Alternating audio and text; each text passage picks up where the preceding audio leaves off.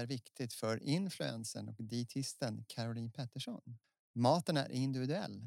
Vissa mår bra av att äta bullar medan andra mår bäst av kött och fisk. Men i botten är det ändå så att de flesta mår bra av tallriksmodellen som håller än idag. Ja, gud vad roligt att ha dig här Caroline.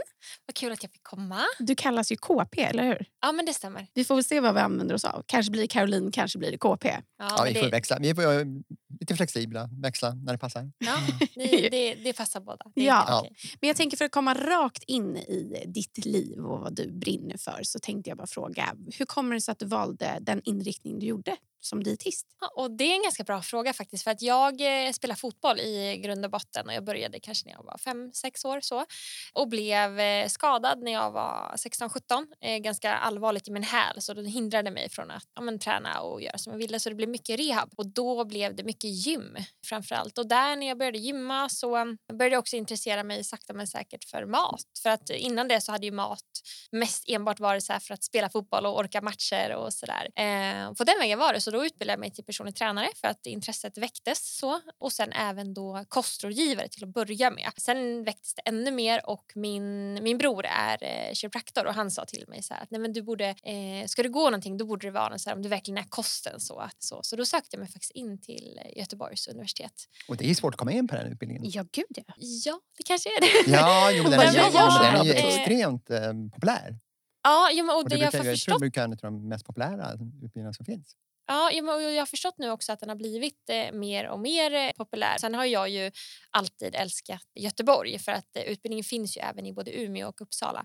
Men jag ville till Göteborg så det var liksom lite på den vägen. Liksom först träning och sen så väckte det mer och mer. Det är ju lite, går ju lite hand i hand. Det var så jag hamnade där jag är idag. Så det, det var alltså ett tag som var det PTPK. Eh, ja, PTKP. ja, ja, men precis. Men jag upptäckte ganska snabbt också för att jag hade ett heltidsjobb som försäkringsrådgivare på If jobbade jag då faktiskt. Men, eh, och då var ju det här med PT, det blev ju, blev ganska mycket efter och innan och, och så. Och det blev ju långa dagar och sen märkte jag ganska snabbt att jag tycker om att träna men jag tycker inte jättemycket om att träna andra. Eh, och det, är ju, det var kanske det jag trodde när jag utbildade mig till PT, att man fick träna massor själv. Men det är ju snarare det man inte får. Utan eh, tiden blev ju istället knapp för att hinna med sin egen träning. Så du tappade den helt och hållet själv? Eller fick passa på på raster och sådär kanske? Ja, men lite mer så. Och då, då kände jag nog att nej. Och sen var det så att jag tyckte verkligen att kosten var det här. Jag kommer ihåg just med kostgivarutbildning, liksom de dagarna. Jag, jag satt som liksom fastklistrad och ville läsa igen och igen och så. så att, och det, jag menar, det speglar ju också mina tre år på universitetet. Jag, även om det var ja, men verkligen mycket tårar också för att det är tufft. Det är det alltid. Men, ja, ja, men det är ju det. Ja. Eh, så tyckte jag att det var så roligt. För att det är ju, jag har alltid varit mer, om man ser tillbaka i skolan också, mer så här, biologi, kemi åt det hållet än typ fysik. För det var, det var inte alls vad jag så. Du jobbar ju inte bara som dietist, du är ju influencer. Och det är inte alla som blir. Nej. Nej, Nej, det ingick inte i utbildningen. Nej det gjorde inte det va? en extra sida, så här, en månad Men det influencer. är Ja. kanske någonting att införa utbildningen, tror du det? Nej det kan ju bara finnas, det kan ju finnas x antal jag- jag- dietister. Ja, jag- precis. Alla kan inte influencers. Nej, precis. Men du har extremt många följare mm, har man ju hört. Och det verkar som att det växer och växer. Det första året var 30 000. Sen, sen Ja, jag sa nästa, fel. Det är 70 Sen 000. nästa vecka så var det Ja, 60. Sen nästa vecka så var det 60. Och sen fick jag höra idag 70. Alltså, nu är Jag jag ökar bra fort på där. siffror. Ja, nej, men ja, eh, och, och det är ju superroligt och det är nog en, liksom en jättestor eh, Eh, del i det och det är verkligen så här jättekul att kunna nå ut på det, på det sättet och det har, jag skulle säga att det har kanske liksom vuxit nu senaste året faktiskt väldigt mycket. Just 30 000 hade jag ju, jag tror, att det var så här förra året i november. Eh, jag minns det just för att jag var faktiskt i, i Skandinavien och tittade på Mia Skäringer när det slog över och det är alltid så här milstolpe, ja 30 000. Så, så att ja, så det har ökat massor och det är jättekul. Ja, men jag tycker verkligen om sättet du är en influencer på. Hur eh, konstigt det än låter. Eh, men du använder ju humor för att sprida din kunskap väldigt mycket. Du får en ju att bara så här, oh, jo. Jo men alltså igenkänningsfaktor, man bara ja, alltså det där är ju jag. Ja just det, så där har man ju tänkt. Men också att du är genuin och äkta. Alltså du kan liksom också visa dina dåliga dagar. Allt ifrån tårar till eh, när det har varit tufft. Och det tycker jag är otroligt inspirerande. Att det inte bara blir en yta av av någonting, att man ser upp till någon influencer där borta som bara har ett perfekt liv. Så det, det tycker jag är väldigt fint av dig. Faktiskt. Ja, men, och, det, och det är ju yes, så här, tack snälla för att det är ju det som jag, det är jättekul att höra att det kommer fram. För att jag har aldrig haft någon ambition om att nej men, visa någonting annat än vem jag är egentligen.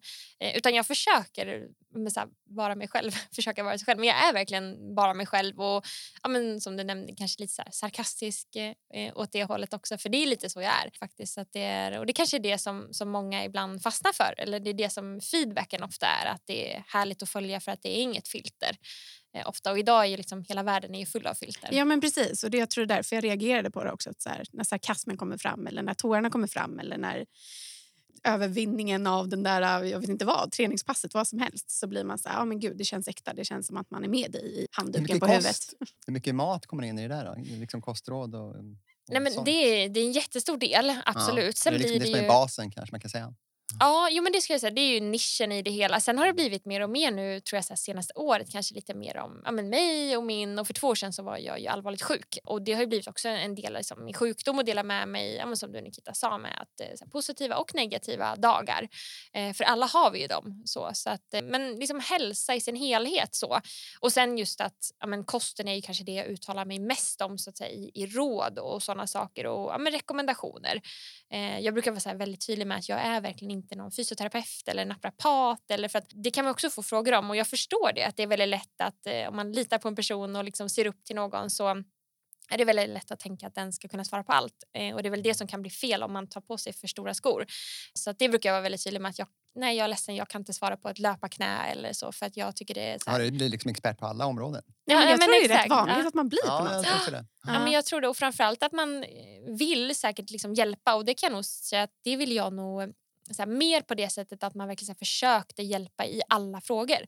Eh, så, man, även om det var kanske en läkarfråga eller så här, i början då vill man ju, men som person är ju jag, jag är liksom, hjälpsam skulle jag säga själv och då vill man ju givetvis hjälpa någon som frågar någonting. Men idag är det mer så här, men då får man se sin egen, liksom, att nej men det är kosten jag är liksom expert på då, eller expert kan man väl men insatt i Mm. och eh, inte just det här med idrottsskador. För det finns så många människor som kan det bättre och då så här, gå till den människan istället för att man ska sitta och chansa. Ja, det tror jag också. Det är väl det där liksom genuint, alltså äktheten också kommer in. Alltså, Mm. så här, då får man ju ett rakt svar. Än att man bara säger, nej men gud, jag måste, man känner krav på att så här, jag måste svara på det här. Mm, precis. Men jag tänker, du var precis, du svängde om det lite snabbt bara. Men eh, din sjukdomshistoria är ju inte, vad ska man säga, vilken historia som helst. Nej, det Kan du inte berätta vad som hände? Du fick en bakterie som gav dig multiorgansvikt. Vikt, Ja, svikt, Svikt. svikt. Ja, men precis. Det, är, det, är så här, det var ju en eh, meningokocksepsis som gav mig multiorgansvikt. Det är ju så här jättesvåra ord, men meningokock är en bakterie eh, som ungefär ja,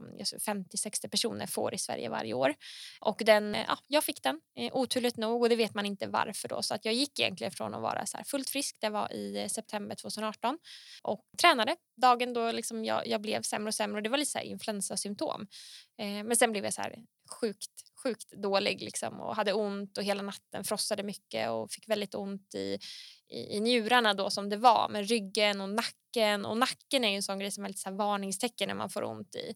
Så då åkte vi in, jag och min sambo, till eh, akuten och där tog de lite prover och sådana saker. Och, ja, då var jag ju inte som sämst men jag tappade ju ganska snabbt eh, ja, det är liksom allmänt tillstånd så och eh, svimmade väl av efter liksom, jag vet inte hur många, jag tror vi kom in till akuten klockan 10 och första anteckningen som man har läst i efterhand i journalen från SIVA är vid 14. Så där någonstans liksom. Så jag låg ändå ganska många timmar och det är också någonting som det har blivit en så här lex Maria anmälan på att, eh, att jag inte fick antibiotika direkt då. Eh, sen blev jag kvar nio dagar på, på SIVA och sen blev jag flyttad så jag var inlagd totalt i fem veckor. Oj. Och det var förstås inte återhämtad direkt efter det heller utan det var väl en eh, rehabilitering kan man tänka sig Ja. på hemmaplan. Mm, exakt, och mycket ja, men prover och sånt i början och, och massa sådana Men hör du, jag blir lite intresserad här förstås. Ja. Jag tänker på, vi sprang i Göteborgsvarvet inte så långt därefter. Ja men precis. Ett, eh, Hur, ett halv- hur, länge väntar du liksom? Eh, jag blev utskriven i slutet av oktober och jag sprang Göteborgsvarvet i maj. Så, och det var lite så min egen revansch för att när man, när man var på SIVA då så fick jag hjälp en dag där att ställa mig upp. Det var ju liksom nästa steg efter att man har suttit upp första gången själv så fick man ju ställa sig upp själv. Och eh, då sa eh, mina sköterskor på, på SIVA att nu kräver det lika mycket energi av kroppen att ställa dig upp som att springa ett helt Göteborgsvarv. Oj. Jaha, det var det som Eh, fick ja, dig så då blev det lite så taggad. att jag... Ja, Så då gjorde jag det ett halvår Klarar du att resa upp så ska du fixa ett eh, Göteborgsvarv också. Ja, men precis. Det var det jag kände. Ja, nej, så så var det. Så att det var en resa och, och jag fick ju kronisk njursvikt av det. Så det har jag ju idag då. Hur är det att leva med det? Eh, nej, men det, det funkar ganska bra faktiskt. Idag har jag ju liksom ett allmäntillstånd som är utifrån det och jag minns ju knappt hur, hur det var innan så att säga, med trötthet och sådana saker. Eh, men jag äter mycket mediciner, ganska stora bumlingar som jag brukar säga varje dag och sen så går jag och tar prover ganska ofta. Så. Men påverkar kosten? Alltså där kan det väl vara bra att kunna sin kost? Mm. I din sjukdom? Ja, men absolut. Och när det kommer till njurar då är det ofta fokus på just det här med proteiner och, och sånt. Och jag har egentligen inte fått några direkta li- riktlinjer.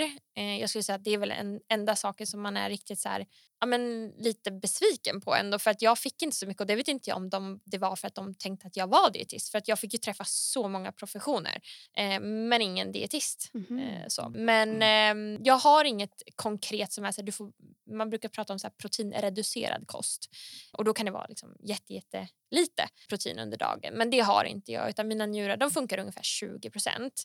Eh, och det jag kan känna det är ju att om jag, ja, men, om det är väldigt, väldigt varmt till exempel, då kan jag påverkas väldigt mycket med vätska och så att mina njurar har svårt att hänga med. Men är det här någonting som blir eh, sämre eller kan det till och med bli bättre? Mm, det kan inte bli bättre utan skadan som har skett har ju skett av den här då, eh, septisk Mm. chock heter det då som jag fick och det kommer vara så och sen så blir ju naturligt när man blir äldre så blir ju njurarna sämre det är bara det att jag har lite sämre utgångsläge och sen så um, kan det komma att bli så man vet ju inte när det kan ju bli om fem år men det kan ju också bli om 20 år att jag behöver liksom transplantera njuren men det är ju liksom planen framåt då men man vill ju givetvis skjuta på det för det är inte så att man bara byter njure sådär för jag var väldigt så i början att jag nästan så här ville göra det för att ja, men, istället för att gå runt med en stukad fot kan man inte bara bryta foten då och bli hel.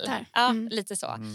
Men eh, det är som min läkare förklarar för mig att jag tror inte Karolina att du vill egentligen för att det är så mycket med immunmediciner liksom mediciner och kroppen kan ju stöta ifrån och sådär. Mm. Så nu har jag väl ångrat mig lite. där. Risker, risker förknippade med det där. Mm. Precis. Och apropå dina njurproblem kan jag mycket väl tänka mig att eh, du kan svara på frågor när det gäller kost kopplat till njurproblem. Men när du får andra frågor, till exempel diabetes eller ja, säg hjärtproblem, svara på den typen av frågor också som kostrådgivare. Eh, nej, eller så här. Jag skulle säga att ibland så, det är givetvis att man kan ge råd och så kring diabetes och när det kommer till diabetes och om man till exempel tar sprutor eller har pump eller som insulin så är det oftast kolhydraterna som är i fokus och att räkna kolhydrater och det kan man ju hjälpa till med på det sättet att man, det blir lite matte och sånt är ju roligt. Men eh, annars så är det mest faktiskt just friskvård som jag jobbar med, alltså mest friska klienter då, så inte som patienter eftersom att jag jobbar som egen företagare och har mitt eget bolag. Eh, så, och som sagt också med njurar, att så här, är det någon som, som kommer till mig och vill ha hjälp och är, men har väldigt mycket sjukdomar så, så brukar jag istället då skicka dem vidare. Så vill man till exempel komma i form, då kan man gärna prata med dig. Alltså. Ja, men precis. Ja, men, och det, Jag det, kommer efter nyår. Ja, just precis. Mitt nyårslöfte. Ja, Ja. exakt. Nikita har sitt nyårslöfte att Ja. hon ska börja träna och Ja. jag ska bli hennes PT. Ja, ja, men Ja. precis. Ja, men då är det du och jag som kör då, Nikita. Ja, ja, ja. Ja. Alltså, jag har ju, men jag har verkligen inte hittat någonting jag tycker om. Men eh, jag hoppas. Mm. 2021 är mitt år. Ja, det är det. Men det för mig också över faktiskt. På, um, du var lite inne på det, men det kanske är samma svar där. Men Du var inne på diabetes och allting sånt. Men har du någonting med kost och PCOS? Vet du Sam- någonting om det? Eh, så samma sak där. När man googlar, vilket man aldrig bör göra när det är kostråd. Eh, nej, jag har Nej. typ alla typer av cancer. Ja, ja men det, det blir så. Eh, och det är väldigt lätt. Så att, eh, när man googlar så, jag gjorde faktiskt det inför just för att jag skulle se så här, om man har PCOS och sitter hemma och eh, ja, men så här, är verkligen i att gud jag, måste, jag vill påverka åt det rätta hållet. Det är sjukt mycket råd som man kan få och det är så, det som skrämmer mig och det är inte bara när det gäller PCOS, det är ju att så här, det är så mycket att ta bort. Undvik och uteslut och, och allting och, så här, och de sidorna som tipsar om allt det här, de glömmer ju också bort det står ingenstans att så här, det finns också risk när du tar bort en massa saker att det, du förlorar en massa näring. Eh, och med det sagt så är det inte så att man direkt får näringsbrister. Men just att så här, jag tycker det är generellt så när det pratas mycket om men tips och råd att det är alltid fokus på att ta bort, undvik, förbjud istället för så här, ät gärna mer av det här. Eh, Men när det kommer till PCOS så finns det inga sådana konkreta, liksom, du ska äta exakt så här. Utan det man rekommenderar ju, men det är så här, jag tänker så generella råden som finns med men så här, långsamma kolhydrater, frukt och grönt och, och gärna lite baljväxter och liknande. Sen är ju... En liten ordningsfråga här. Mm. PSOS, vad är, vad är det? Förlåt, det kanske man borde ha sagt. Ja, det borde jag ha sagt. Det är ju ja, men det är att man som kvinna har mer testosteron eh, och gör att man väldigt lätt går upp i vikt, har väldigt svårt att gå ner i vikt. Okej, okej. Eh, men du har väldigt lätt att bygga muskler, vilket är tydligen en av de enda fördelarna. skulle jag vilja säga. Men du har lätt att bygga muskler och har ett jävla anamma. Men du eh, har fler ägg på din, dina äggstockar. Det blir som Mm. ett pärlband. Så därför kan man också ha väldigt svårt att bli eh, naturligt gravid. Mm, exakt. Så, det är många element i det. Liksom. Men jag kan tänka mig att om man har det så är det kosten på något sätt som blir ens djävul. Mm, ja, men, och jag tror det. Och framförallt det där så, som jag sa när jag liksom googlade själv och såg så här, vad kan man som gemene man om man har det bli utsatt för när man googlar. Och det är ju mycket och som sagt det är lätt att bli förvirrad. Men jag hade sagt så här back to basic, liksom fokusera på ja, men som jag var inne på det här med frukt och grönt, baljväxter, långsamma kolhydrater, alltså eh, fisk och, och liknande och skaldjur och bra fetter, liksom sådana saker. Inga bullar. Precis, men bullar är gott. Så. Ja, ja. Sa att hon skulle gilla bullar. ja, men jag älskar bullar. Men, nej, men så, och sen är det ju så att jag förstår också, för det man inte får glömma bort när man har någon form av sjukdom eller liknande, då kanske man har hittat ett sätt som funkar.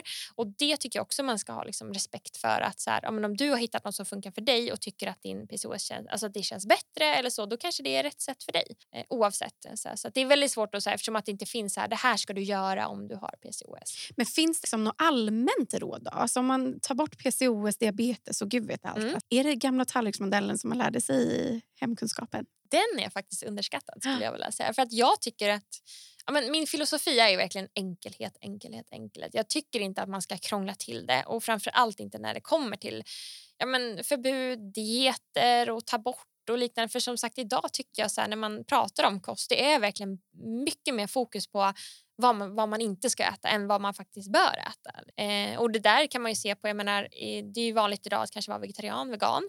Och det blir också en form av stämpel ju. Och med det sagt så är det ju så här, du kan ju äta en blandkost, alltså att man äter av allt, inte utesluter något. Och den kan ju vara eh, skitbra eller skitdålig. Och det är samma sak om man är vegan, man kan ju äta skitbra eller skitdåligt. Så att det behöver inte vara det som är det mest avgörande. Så här, bara för att jag är vegetarian så är det automatiskt liksom jätte, jättebra eller tvärtom. Kan det inte vara så också att det är, kan finnas individuella skillnader? Att vissa reagerar eh, mer på kolhydrater än andra? Jag vet ju till exempel hemma vid. När jag, Gud, vem, li- gud vad gullig. Vem säger hemma vid idag? jag Jättefint. lever ju i stort sett på kolhydrater medan Ja. min sambo hon tål det knappt. Nej, men, och där är ju en typisk sån, liksom, just som du sa, individuellt. Och där Mm. känner jag också så att där behöver man inte heller Eh, ni är fortfarande ett par. Liksom, det är fantastiskt att ni inte behöver bråka om det då. Nej, men- er? Nej, men att man liksom inte behöver... För vissa saker funkar eh, bättre för andra och det får man ju liksom acceptera. Det jag kan bli lite så allergisk mot i fall där, ja, men återigen, där det blir mycket regler och så, det är ju att man prompt ska få alla andra att älska sin diet eller typ Det det här som en religion typ. Ja men exakt och Mm. liksom, just det här, det här funkade för mig. Ja, men du vet inte om det var just det som gjorde det eller om du i samband med det även gjorde något annat eller om det är placebo eller så. För ska man säga någonting så är det ju så här att placebo det är ju bland det starkaste vi har. Liksom, tror vi på någonting och så blir det så, då kan man verkligen... Men Liksom. Placebo är bättre än antioxidanter. Nej, så är det inte. The är inte law of attraction. Nej, nej men så, ja, absolut. Individuellt det tycker jag man får se till vad som funkar. Men vilken är den största matmyten du är mest trött på? då? Ja, Ge oss matmyterna. Ja, ja men exakt. Det här är jag ju, det är mitt expertområde skulle jag säga. Jag pratar ofta om matmyter. Men jag har ju eh, kanske några stycken. Men framförallt är det ju så att eh, jag skulle, alltså sötningsmedel är en sak som återkommer och återkommer jämt. Men också eh, att vi dietister skulle vara någon form av så här, vilken diet är den bästa? Alltså, det är ju kanske ingen kostmyt men det är fortfarande så här, alltså påstående som man kan vara så här, nej men, det finns kanske ingen konkret det bästa för alla utan som jag sa det, det är ju väldigt individuellt och, och så. Men sen också det här, nu lever ju det lite kvar men eh, kolhydrater.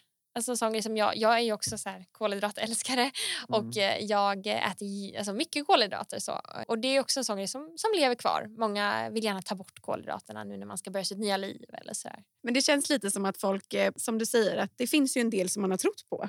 Men så tänker jag också sen när jag hör dig prata, att är det inte konstigt att det finns dietister? Alltså, det låter Ja, jätte- om de överhuvudtaget behövs? Nej, men jag tänker så här att det måste ju vara det moderna. För att förr då åt man ju det som Eller fattar ni vad jag Ja. kommer komma? Jo, Det är lite jo, konstigt lite egentligen. Att man så. här, Ja. jag behöver hjälp med det mest basala som finns. Jag behöver det här för att överleva men ändå vet jag inte vad jag ska stoppa i mig. Jo, men- och dietistyrket är ju faktiskt ganska ungt. Så Det har ju inte alltid eh, funnits. Men eh, jag tycker så här, med tanke på att alltså, kost, mat är ju någonting som vi alltid kommer behöva hela liksom, livet ut. Och Det är därför som det känns så här, bra val av yrke, för det kommer alltid vara aktuellt. Det kommer aldrig vara någon som säger nej nu äter vi inte längre. Så att, och förmodligen så kommer ju kanske, alltså, det är inte så att hela världen en dag kommer vakna upp och vara så här, nu vet vi exakt vad vi ska äta för att må bra och för att hälsan ska vara på topp. Så att jo, nej men ja absolut. Och sen är det ju väldigt så att eh, men dietister eh, generellt skulle jag säga, jag har ingen procentsats så, men alltså det är ju vanligast att man jobbar inom vården och att man jobbar med, ja men kanske på onkologen eller man jobbar med allergier och, och sådana saker. Det är så, här, så det är jättevanligt att vissa säger liksom kostdoktor, men mest för att, så här, att kostfrågorna är ju tillägnat dietister. Det är inte tanken att kanske läkarna ska svara på det. För att jag menar, jobbar man med eh, parenteral nutrition också, att man får liksom mat via just sånt, då är ju dietistens uppdrag oftast att räkna ut, alltså återigen matte, hur mycket proteiner, fetter och kolhydrater och så. här. Så det, det är liksom ett, ett livsviktigt jobb eh, på det sättet. Så det finns olika typer och jag tror att vi är ganska få som jobbar så här då inom friskvård så. Men eh, så på det sättet är det ju jätte, jätteviktigt just att det finns professioner så. Jag tänkte gå tillbaka lite grann till det här med myter Mm. och dieter. Ja. Modedieter. Eh, LCHF har vi till exempel. Mm. Vi har ju mm, den här st- stenålderskosten. vi har Just det. som heter Atkins. Som han dog väl i och för sig i Keto. förtid. Keto. Ja, just det, precis. Ja. Hur eh, bemöter du dem? Ja, men jag är nog ganska så här, man får absolut hålla på om man vill, men som jag var in lite inne på tidigare också så här, övertala inte andra att det är det bästa. Så, äh, så. För det blir väldigt lätt det här som du Nikita var inne på, det här med religion, att det, är liksom, det funkar för mig så det är det absolut bästa sättet. Och så här. Men alltså, absolut, känner man att man tycker det är kul att hålla på och ta bort saker. Och jag skulle säga så här att många dieter, när man ser till det här med paleo och LCHF och om man ser till mer så här, konkretisera lite vad det egentligen är så handlar det ju mycket om att så här, men vad är det egentligen man äter? Återigen, så här, om vi ska fokusera på det vi äter istället för det vi inte äter i de här olika dieterna. Det är ju mycket det här att man tar bort mycket, ja men kanske det här du var inne på bullar, men alltså mycket så att man tar bort kanske den här utrymmesmaten som annars finns och det är ju bra på det viset. Så att många dieter liknar ändå varandra även om de kanske utåt sett ser för det här är liksom det här är bara det vi äter. Men om man då tittar på så här, vad som inte är okej i en sån diet så är det oftast ganska mycket samma. Eh, och det är därför många upplever att dieter funkar eh, väldigt bra. Sen är det ju så att dieter, det som jag tycker är liksom det negativa och varför jag inte tycker att man ska behöva någon just specifik diet utan mer så här, du kan äta allt men inte alltid. Det är ju mitt mantra liksom.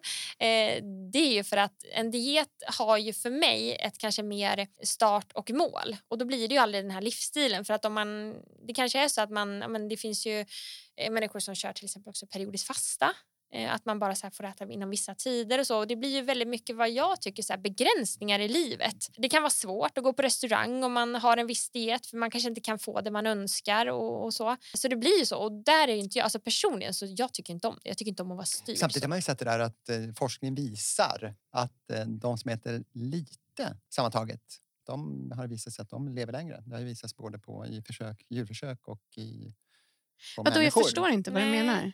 Eh, lite... Vadå lite? Är det att du äter lite ofta eller är det att du äter mindre och gör av med mer? Nej, men, efter, nej, men det handlar alltså... Så här, nu är det din tur att förklara för alla. ja. Vad är PCOS? Nej, men det handlar om att eh, man, man, ska, man, man ska inte äta så mycket helt enkelt. Man ska liksom hålla en ganska lågt energiintag. Ja, alltså jag skulle nog säga eh, tillräckligt energiintag. Mm. Ja, Eh, jag, hoppas ju för- jag hade ju hoppats på det svaret. Ja. Det, det, låter inte så kul det där, Ja. att behöva äta lite. Nej, men det låter Nej. lite ätstört.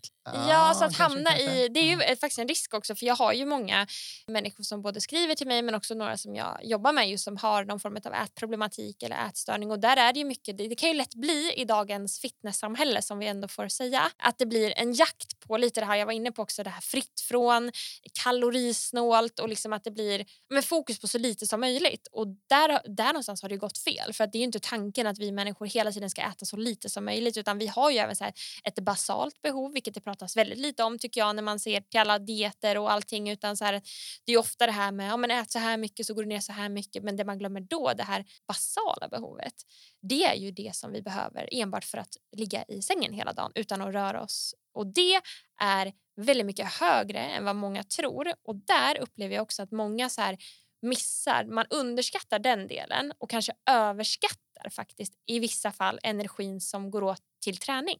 Och då i det då följden är så att om man inte tränar en dag så tänker många så här, men då behöver inte jag äta. Nästan. Att de Eh, sparar liksom. Ja, men lite så. Och då blir det så här, men gud, din kropp då? Hur ska det gå för hjärnan, hjärtat och lungorna och njurarna? För organen i sig, det är ju det här kemin bakom att de kräver ju energi. Inte minst hjärnan är väl, Ja, krä, gud, ja. kräver mycket energi. Ja, gud ja. Och jag menar, det är ju inte bara för en dag som så här, oj nu har jag inte ätit, nu kommer hjärnan dö. Det är inte riktigt så, det hade vi inte haft råd med. Men alltså just att så här, det här basala, det hade jag önskat att man pratade mer om, att det lyftes mer. För att eh, det vet jag framförallt just i, liksom, om man har någon form av ätproblematik, att det, man har inte riktigt den insikten. Nej, men jag tror också att i det här som du var inne på, det här eh, idealet som vi har, alltså Mm. smalhet och ingen ålder, man ska inte åldras eller man ska vara jäkligt smal också. Eh, Palle tycker alltid att jag pikar honom när jag pratar om det. Eh, nej, men vi har ju verkligen ett smalhetsideal i Sverige, eh, Norden fram, framför allt. Och jag tror lite, jag kände det när du pratade om det, att det är lite som så här, vi tänker bara på utsidan, inte på insidan. Alltså så här, vi tänker inte på våra organ, vi tänker bara på hur vi ska se perfekta ut. Och jag, jag minns en bild som du la upp för, jag tror inte det var så länge sedan, eh, jämförelsebild när du Mm. tränade väldigt mycket och sen tio år senare. Och du skrev någonting med att så här, ja där såg jag ut så där men jag är 10 000 gånger lyckligare på den här Ja. bilden. Ja men precis och det var ju en bild där jag, ja, men precis som du sa, det, jämförde och sen framförallt det här för att jag kan bli lite trött också på när det är så här, eh, du kommer aldrig ångra träningspass. Och det är väldigt så här, jag är absolut för att man ska röra på sig och jag själv älskar att träna och röra på mig eh, i princip varje dag på något vis. Att man, jag ni går att det är en myt? Nej, ingen myt, men snarare kanske en hets i att speciellt, för det är också så här, när man pratar om att röra på sig och att vi behöver röra på oss mer. Vi behöver ju röra på oss mer och när man säger så så är det oftast tyvärr fel människor som tar åt sig av det. Det är oftast de här människor som redan rör sig och kanske som sagt har någon form av ätproblematik som ska röra sig ännu mer då. Och de människor som man egentligen vill åt, de människor som kanske sitter still, alltid tar bilen, eh, sitter i soffan hela kvällen, alltså hela tiden och kanske har någon form av övervikt. Det kanske är de människorna som man vill åt att de ska börja röra sig från noll till kanske i alla fall 25 procent. så. Men det är oftast de här andra människorna då som, som eh, tar åt sig och det är det som kan bli fel i det här med att det här hardcore, du ångrar aldrig ett träningspass. Och den här bilden då som vi pratar om, det var ju att jag skrev lite om att man kan absolut ångra träningspass som tar över ens liv och de träningspassen som man kanske alltid genomför istället för att följa med ut på den här middagen. Eller, för det är lite det som jag pratar mycket om, det här med när träning och kost blir hela ens liv. Eh, och när det tar över. På det sättet så är det ju liksom att man kan absolut ångra ett träningspass för det, det, liksom, det får inte ta över. Det ska ju vara en del av och liksom bidra till hälsa. Det ska inte dra ner ens hälsa för att hälsa är ju ändå någonting som handlar om så mycket mer än liksom minuter på crosstrainen eller så utan det är ju liksom psykiskt, mentalt, alltså just med miljö, jobb, vänner, familj och relationer och så här.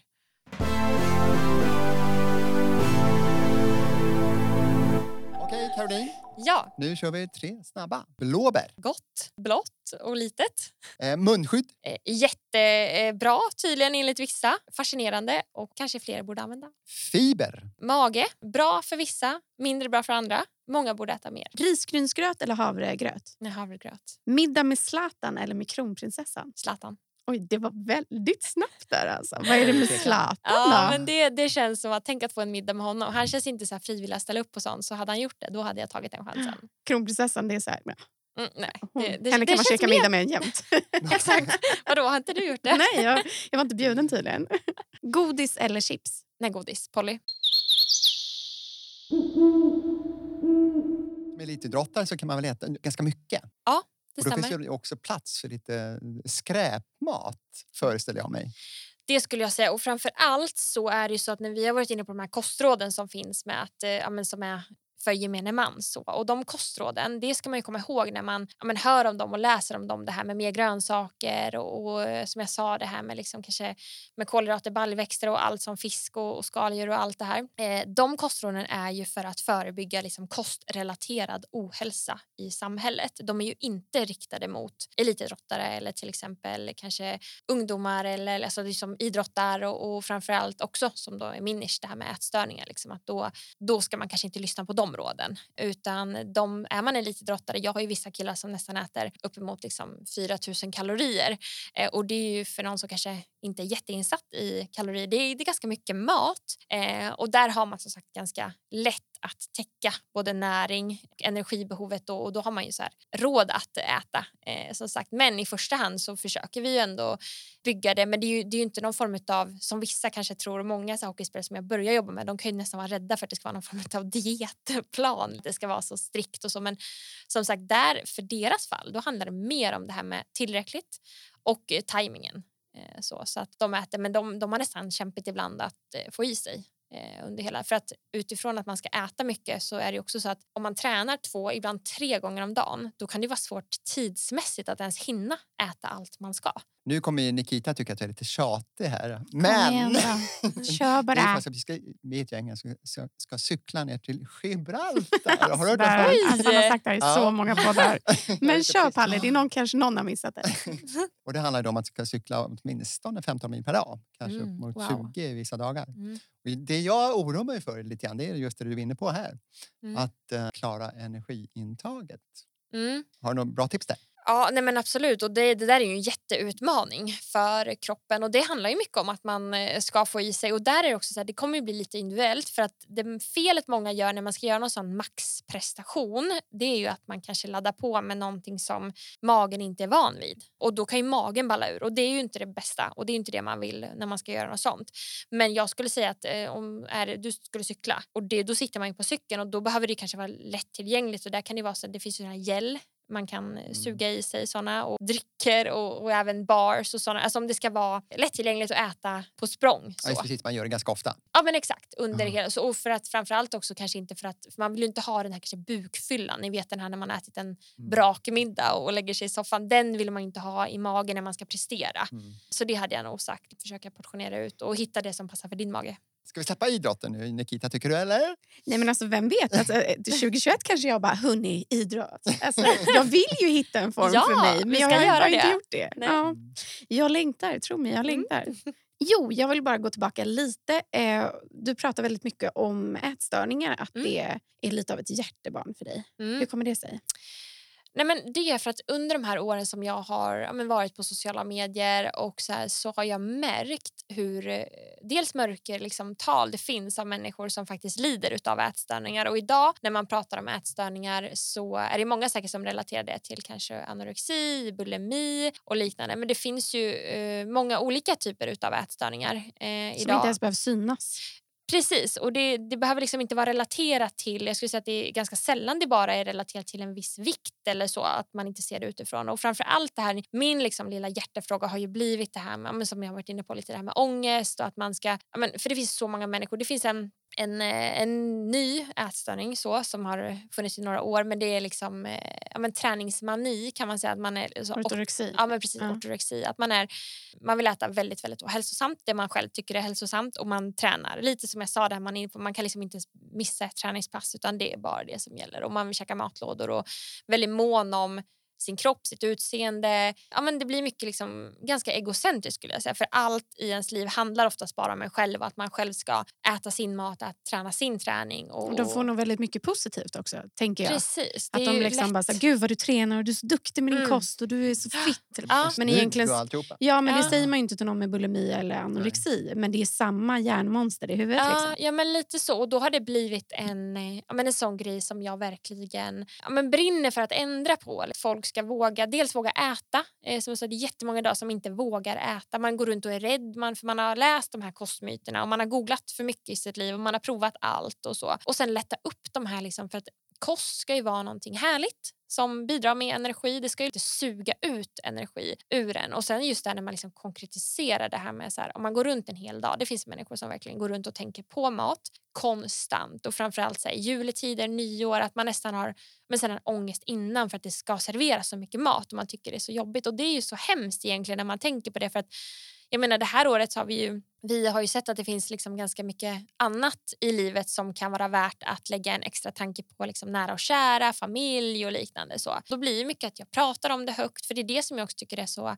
viktigt att man pratar om det för det är så många som, som skäms över att man eh, har någon form av ätstörning eller ja, men, tankar och sen framförallt pusha för att så här, liksom förringa inte dig själv i att så här, nej men jag är inte tillräckligt sjuk eller nej men det, det stör mig inte så mycket men för att är man i en ätstörning eller, och har liksom ganska osunda tankar om, om sig själv, sin kropp och hälsa i överlag så kan det vara lätt att tro att det är det normala. Ja, det blir normaliserat. Ja. Alltså, jag själv har ju varit väldigt sjuk i en ätstörning eh, och var sjuk över tio års tid och jag var ju så himla nära på att dö.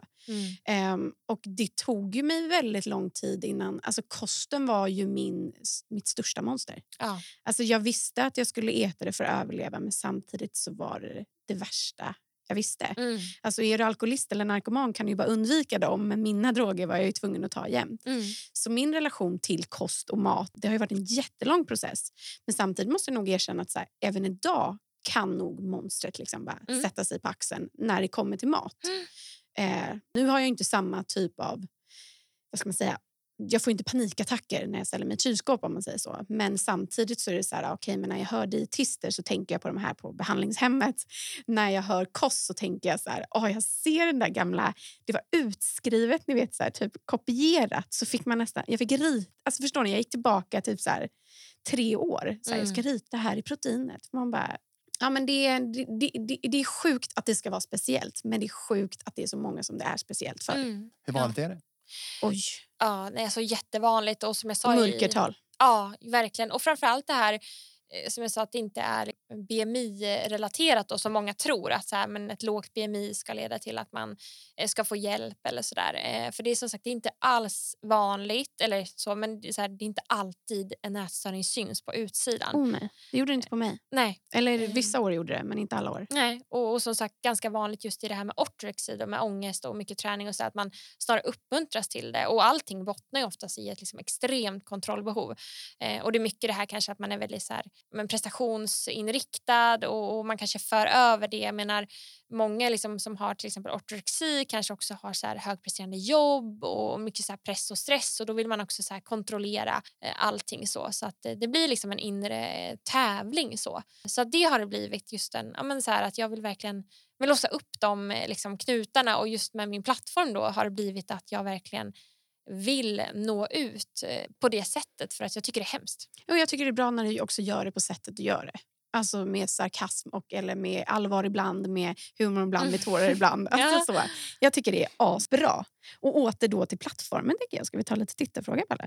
Jo, jag har ju en. Du har det? Jajamän. Nej, men gud, vad kul! Ja, och den lyder så här. Jag går och funderar på om jag ska göra en sån här bypassoperation eller om det finns en anledning att försöka igen. Jag har ju försökt med massa olika dieter. Vad skulle du rekommendera? Finns det risker med bypass?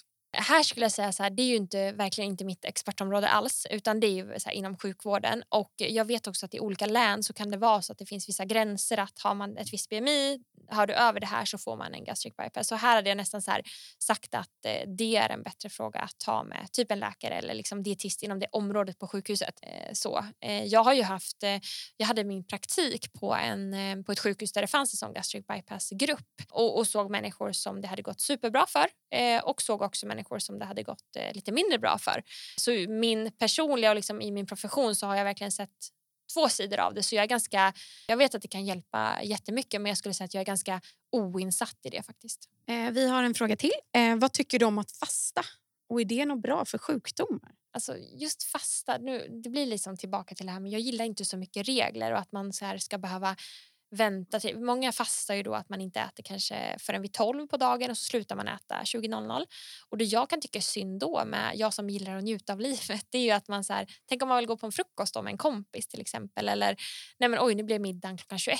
Tyvärr är det kört. Ja, ja men precis det går in- inte. In, det inskränker verkligen det sociala livet. Ja men precis, det är lite så att man, man hämmas av det. Mm, Eh, Sen vet mm. jag att många älskar att fasta och då, då kan jag känna så här, men mår man bra av det så får man väl absolut göra det. Men det också, vi var inne på lite så här med, eh, har man någon form av ätproblematik eller så, då hade jag sagt så här, nej, Att fasta är inte bra för man ska inte hålla på och mixtra. Jag kan inte fatta hur maten. man kan. Ska Nej. man bara gå Nej, där nej. sugen och hungrig Ja. och bara nej, det Nej, är men alltså, det är åtta." just, jag vaknade fyra idag och var hungrig. Skulle jag då fasta till tolv? Ja, Oj. precis. Så Men, nej. men ju, precis, ja, men det kanske är en intressant eh, följdfråga. Om du vaknar klockan fyra på natten och är hungrig, det händer Ja. ju mig rätt ofta. Kan Får jag man äta? Är det det du vill Ja, fråga? ska, ska man gå upp och äta eller ska man ligga kvar och- liksom tänka att ah, Fasta. Ja, precis. Fasta fram till. Nej, där hade jag också sagt så här att det är väldigt... Ja, det var för jag brukar inte vakna eh, på natten. Så att jag, jag gick inte upp idag utan jag gick upp sen vid sex när jag skulle gå upp och eh, åt då frukost ganska tätt. Så.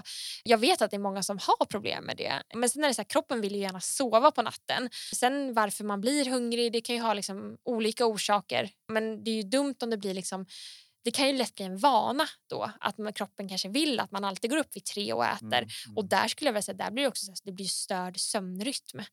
Eh, så det kanske inte är någonting man skulle rekommendera i första hand. så. Nej, jag tror inte. Jag, tror- jag tror att eh, vår sömnforskare som hade med i podden tidigare, Mm. Ja, för två avsnitt sen. ja, just Mm. precis, ja, Christian Benedikt, Mm. han hade sä säkert sagt svarat på samma sätt, tror jag. Precis. Kanske ska bli sömnforskare. Ja, Du kan väl bli det också? Ja, ja, men Herregud. PT, Ja. sömnforskare. Mm, Trippelexpert. Allting. Vad är du? Jag är trippelexpert. Eh, vi har en fråga till här Ja. eh, från Mikael, 30 plus. Ibland när jag äter för mycket kan jag få ont i halspulsådern. Alltså han äter så mycket, för han säger att han har en lucka där på 20 minuter när han kan trycka i sig mycket som helst. Och sen till slut så blir han så mätt så han typ får ont i halspulsådern. Han känner typ att det pulserar kroppen. Bara, så. Oj. Jag tänkte spontant, det är inte så bra. Men jag frågar dig, trippelexperten. Nej, ja, precis. Trippelexperten. Nej, alltså det låter ju... Ett, liksom första grej där skulle kanske kunna vara att äta lite långsammare. Och, och inte. Nej, men och inte liksom det här i panik. För det låter ju som att det blir någon liksom, chock just för kroppen. Men jag menar, det kan man också... Alltså när maten tas upp och, och liknande, det kan ju bli liksom, och jag menar jag kan ju få personligen då just att magen blir så fylld och att det nästan gör ont. Det har ju hänt, typ julen, så att man bara så här, äter allt man ser. Typ så. Men det är ju ingen trevlig känsla. Så där hade jag nog sagt så här, bästa tipset där för att undvika hade ju varit kanske att ta det lite mer easy peasy. ja, Här kommer nästa tittarfråga. Ja. Eller lyssnarfråga. Kommer ja, jag säger är? tittarfråga också. Nej, men det är kul, vi kan ha Ja. ett tv-program. Ja. Ja. Är det så att ni alltid, eller ni och ni, du, har du Livsmedelsverket som eh, källa så att säga, till dina kostråd? Är det där du hämtar in information i senaste nytt? Och svenska näringsrekommendationerna finns inte som heter va? SNÖ tror jag det förkortas. Ja, men alltså, ja, Livsmedelsverket, det var vi lite inne på det här med råden. Som är, och då, det är ju de liksom basala råden. Sen är det ju så att liksom, forskning går ju framåt. eh, Och, så, och vissa kan vara så ah, men det senaste forskningen, ja fast nej det kanske var en studie som visade på fem personer att men om man tittar på just Livsmedelsverket, för det är vissa som är så negativa till Livsmedelsverket Mm, och så. Men där känner jag så här, om, om man verkligen ska gå in och titta på vad råden säger så är det egentligen inte alltså, vad jag tycker. säger. Det är ju inte så mycket konstigt. så. Det är som vi har varit inne på, liksom, grönsaker, fisk och, och liksom. Ja, ja men lite så, tallriksmodellen. Så att, absolut. Men sen som sagt, det kommer ju mycket nytt och det enda jag liksom, när man läser, det finns ju mycket studier och framför allt nu under corona har det varit här med D-vitamin, de har eh, kollat på, så det händer ju mycket hela tiden. Eh, och där försöker jag bara så värdera min tid i att så här, okej, eh, Eh, är det här någonting att verkligen eh, sätta sig in i? Och så här, så man, så man hänger ju med, men det är inte så att jag varje dag sitter och läser en massa studier. Så, för det, det sker ju liksom forskning hela tiden. Och sen med kost får man inte glömma det. Så här, kost är ju väldigt, vad ska man säga, alltså det är svårt att eh, visa på saker med kost och kostvanor. För att skulle man göra det helt så här 100-100 procent då hade man nästan behövt liksom, låsa in människor i ett rum och ge dem exakt för att mäta saker. Och det är ju inte liksom riktigt etiskt korrekt att göra så. Eh, så att mycket mycket när det gäller kost och så, då handlar det om att man kanske samlar en grupp av människor och så ger man, ni gör det här och ni gör det här och där kan det ju vara liksom piller eller ja, men vad man nu vill undersöka och då kanske en grupp får placebo och sådana saker. Och i det, det är därför man också med, ska ta liksom ny, ny forskning också med så här, verkligen gå igenom hur har det här gått till, hur är forskningen liksom gjord, vem har sponsrat eh, och sådana. Så det Mm. finns ju så mycket att sätta sig in i utan att bara så här, ny forskning visar kan ju Aftonbladet skriva. Eller typ Mm. professorn säger och då behöver professorn inte ens vara inom kost utan det kan vara inom så här, bilar. Fotsulor. ja. Nu lyssnar alla. Ja. Mm. Men eh, hur är det då med Cola Zero? Du var inne lite på sötningsmedel. Så att Ja. jag tänker, det titta, eller, varför säger jag titta-frågan? Lyssna-frågan. Jag har säkert sagt det flera gånger. Ja, ja. Ja, ja. Men hörni, vi säger tittar och lyssnar-frågan. Mm. Ehm, hur mycket Cola Zero behöver jag dricka för att aspartamen ska bli farlig? Ja, och det här är också intressant. Vi var inne på det, kostmyt, eh, sötningsmedel. Och aspartam är ett ämne som det har forskats så, så mycket på. Man har gjort liksom massa studier och kikat på det. Och, så här, och, och det har ju inte visat sig liksom, i normal dos vara farligt. Då är alltid nästa fråga, så här, vad, är norm- normal dos? Exakt, vad är normal dos? Men där hade jag sagt så att när någon alltid ska fråga om så här, vad kan jag maxa? Vad är maxdosen jag kan? Då blir jag alltid så lite orolig. Så här, varför ska man vad är syftet med att du ska maxa? Hur mycket, varför ska du dricka då 10 liter eller vad det kan vara? Så. Det är många som ja, säger att ja, men det här och det här har jag hört och det, är också, det kan florera artiklar kring aspartam och så här. Men det här är sagt, det är absolut, du kan dricka Cola Zero så, med sötningsmedel för sötningsmedel det är inte giftigt för oss. Så. Eh, sen också att tillägga när det kommer till att dricka saker så vatten i första hand. Men det är också en sån grej med läsk, både när det gäller vanlig läsk och lightläsk, att det finns ju andra saker med tänderna till exempel. Det finns ju surhetsreglerande medel och sådana grejer man också kan ta med. Men återigen, jag är ingen tandläkare. Men jag vet att tandläkare som lyssnar brukar alltid liksom vilja påpeka det om man inte nämner det. Så nu har jag gjort det. Nu har vi gjort det. Så att, men, så att sötningsmedel skulle skada hjärnan, det är en myt. Ja. Eller göra en ännu mer sötsugen har jag hört. Det har jag hört också. Ja. Jag har hört Ja. båda två, båda grejerna. Precis, och så, så kan det ju vara om man så upplever det också så enskilt. Att dricker man mycket läsk och, och det är en söt smak, absolut kan det vara så att man liksom enskilt kan bli sugen på mer. Om man skulle dricka Pepsi Max då, eller Pepsi eller vad man nu vill ha, då kanske man vill ha ännu mer än om man skulle dricka vatten. Eh, om man jämför så. Men det är ju inte liksom sötningsmedlet i sig och det är inte heller så för många är så här att eh, om jag dricker Cola Zero så skulle det göra att jag gick upp i vikt. Men det är ju liksom omöjligt på det sättet just i Cola Zero för den innehåller ju ingen energi. Men det är alltså inte så att du dissar Zero? Nej, absolut Hon inte. hissar låter det Ja, som. Ja, det Exakt. låter nästan. Ja, Ja, nej, men så här, faktiskt, vatten i första hand och sen Ja. Absolut. vatten, ja. Mm. Om man bara får äta fem livsmedel för resten av sitt liv, Ja. vilka är de fem då? Oj! Det här med förbud. Ja men exakt, det var så här, verkligen en bra eh, avslutningsfråga. Eh, jag hade sagt, eh, det beror, jag ska säga så här, klassiskt svar, det beror lite på vad man vill ha ut av de här livsmedlen. För om man tänker att man ska ha någon form av näring, Ja, men närings... ja det är det Ja, fokus. Oj. Eller, eller är det så så här, du ska åka till en ö, isolerad ö. Ja. ja just Och du får ta med dig fem stycken livsmedel. Du ska vara där ett år. Oj. Och Ja, du ska men, överleva och du ska ha, ha det ganska trevligt under tiden, förhoppningsvis. ja, nej, men då hade jag nog valt lax. Men tänk på att det här var en ö, det finns ju lax runt omkring. Ja, men det Ja, får nej, inte nej, säga. man- kan fiska det. Ja, bra. Eh, nej, men så här, lax ja, men så här, hälsosamma fetter, så. Ehm, även eh, omega-3. Eh, sen hade jag valt eh, potatis, för att det, jag, jag älskar potatis. Det, det är mest därför det får följa med. Men eh, bönor också, baljväxter. Sen eh, ja, men kanske någon form av grönsak. Nej, men sen måste jag, jag tar ju Polly. Det, det får vara det fjärde. nej, men annars kanske man skulle rikta in sig på något mer... Du skulle ta en broccoli. Ja, men det skulle kunna få följa med, absolut. tror jag ja. tagit Men nu tror jag, hur många har vi sagt nu? Vi Nej, har nu sagt lax, Ja. Ja, potatis, ja. Ja. Det skulle, baljväxter, ja. Ja. Grönsaker och, och en grönsaker och polly. Ja. Ja, precis. Och ska man inte välja Polly då, då får man ju ta något annat. Tänker jag. Ja. Valnötter skulle kunna få följa med också. Så här, bara så. Bara Kan, du ska inte välja Ja. kaffe. Nej, faktiskt inte. Jag gillar inte Nej, jag kaffe. tycker inte heller om kaffe. Men det här, måste, det här går ju inte att stanna på. Nej. Du måste ju säga dina fem. Du skulle Ja. säga dig. ja, men då är kaffe nummer ett. Då. Nej, inte Mm. nummer ett, men det skulle säkert få hänga med. Ja. Det tror jag. Mm. Sen kan jag mycket väl tänka mig choklad och sen laxen jag, tror jag är toppen Mm. också. ja, men det är bra med näring. Och sen, sen, jag var, föreslog ju broccoli till dig, Mm. så jag packade ner det då. Och eh, sen som en femte så skulle jag välja mjöl, vetemjöl, eller rågmjöl tror jag skulle välja. Mm. Du ska baka. Du ska baka lite Ja, där. Mm. saka. Ja, du drog det till en annan nivå. Ja, Jaha, nu verkligen. vart det ju svårare för mig. Men okej, jag skulle ju ta med mig kött. Alltså entrecote. Ja. Alltså, ja. Bea. ja, verkligen. Nej, men då skulle det bli kött, eh, Ramlösa granatäpple. Jag skulle ta med mig saltlakrits. Jag skulle ta med mig grönsaker. Och sen så skulle jag nog ta Vilken med mig... Ja, men då, då är jag nog faktiskt på röd paprika, gurka... Um, eller måste jag vara en? en, en per Ja, det är ju det. Ja, Liksom. du det kan är inte välja flera här nu. Okej, då tar jag väl gurka då, så jag håller vätskenivån. För du har inte så mycket vatten runt omkring dig. Nej, min bubbel, vad heter det, ba- eh, Ramlösa inte slut. Ja, och sen så sista skulle då vara eh, hickory sås. Oj, ja. Jag måste ju ha någonting till köttet. Ja. Mm, Ja, mm. det känns som att jag började på så här mest näringsrikt och Ja, fokus så på att man... förstörde Ja, Palle. Tog ja. det till en annan nivå. Jag skäller på Palle. Ja. Som Nej, alltid. men det, Nej då, det är inte kul. Men eh, vår fråga till lyssnarna. Vem utav oss kommer att överleva längst på den här ja, ön? precis. Det är väl perfekt avslut på den här podden. Ja, Verkligen. så får vi tacka Caroline Pettersson så jättemycket, även kallad KP. Yes. Tack snälla. Kamratposten. Ja, Mm. verkligen. Mm. Mm. Tack snälla. Tack för att jag fick komma.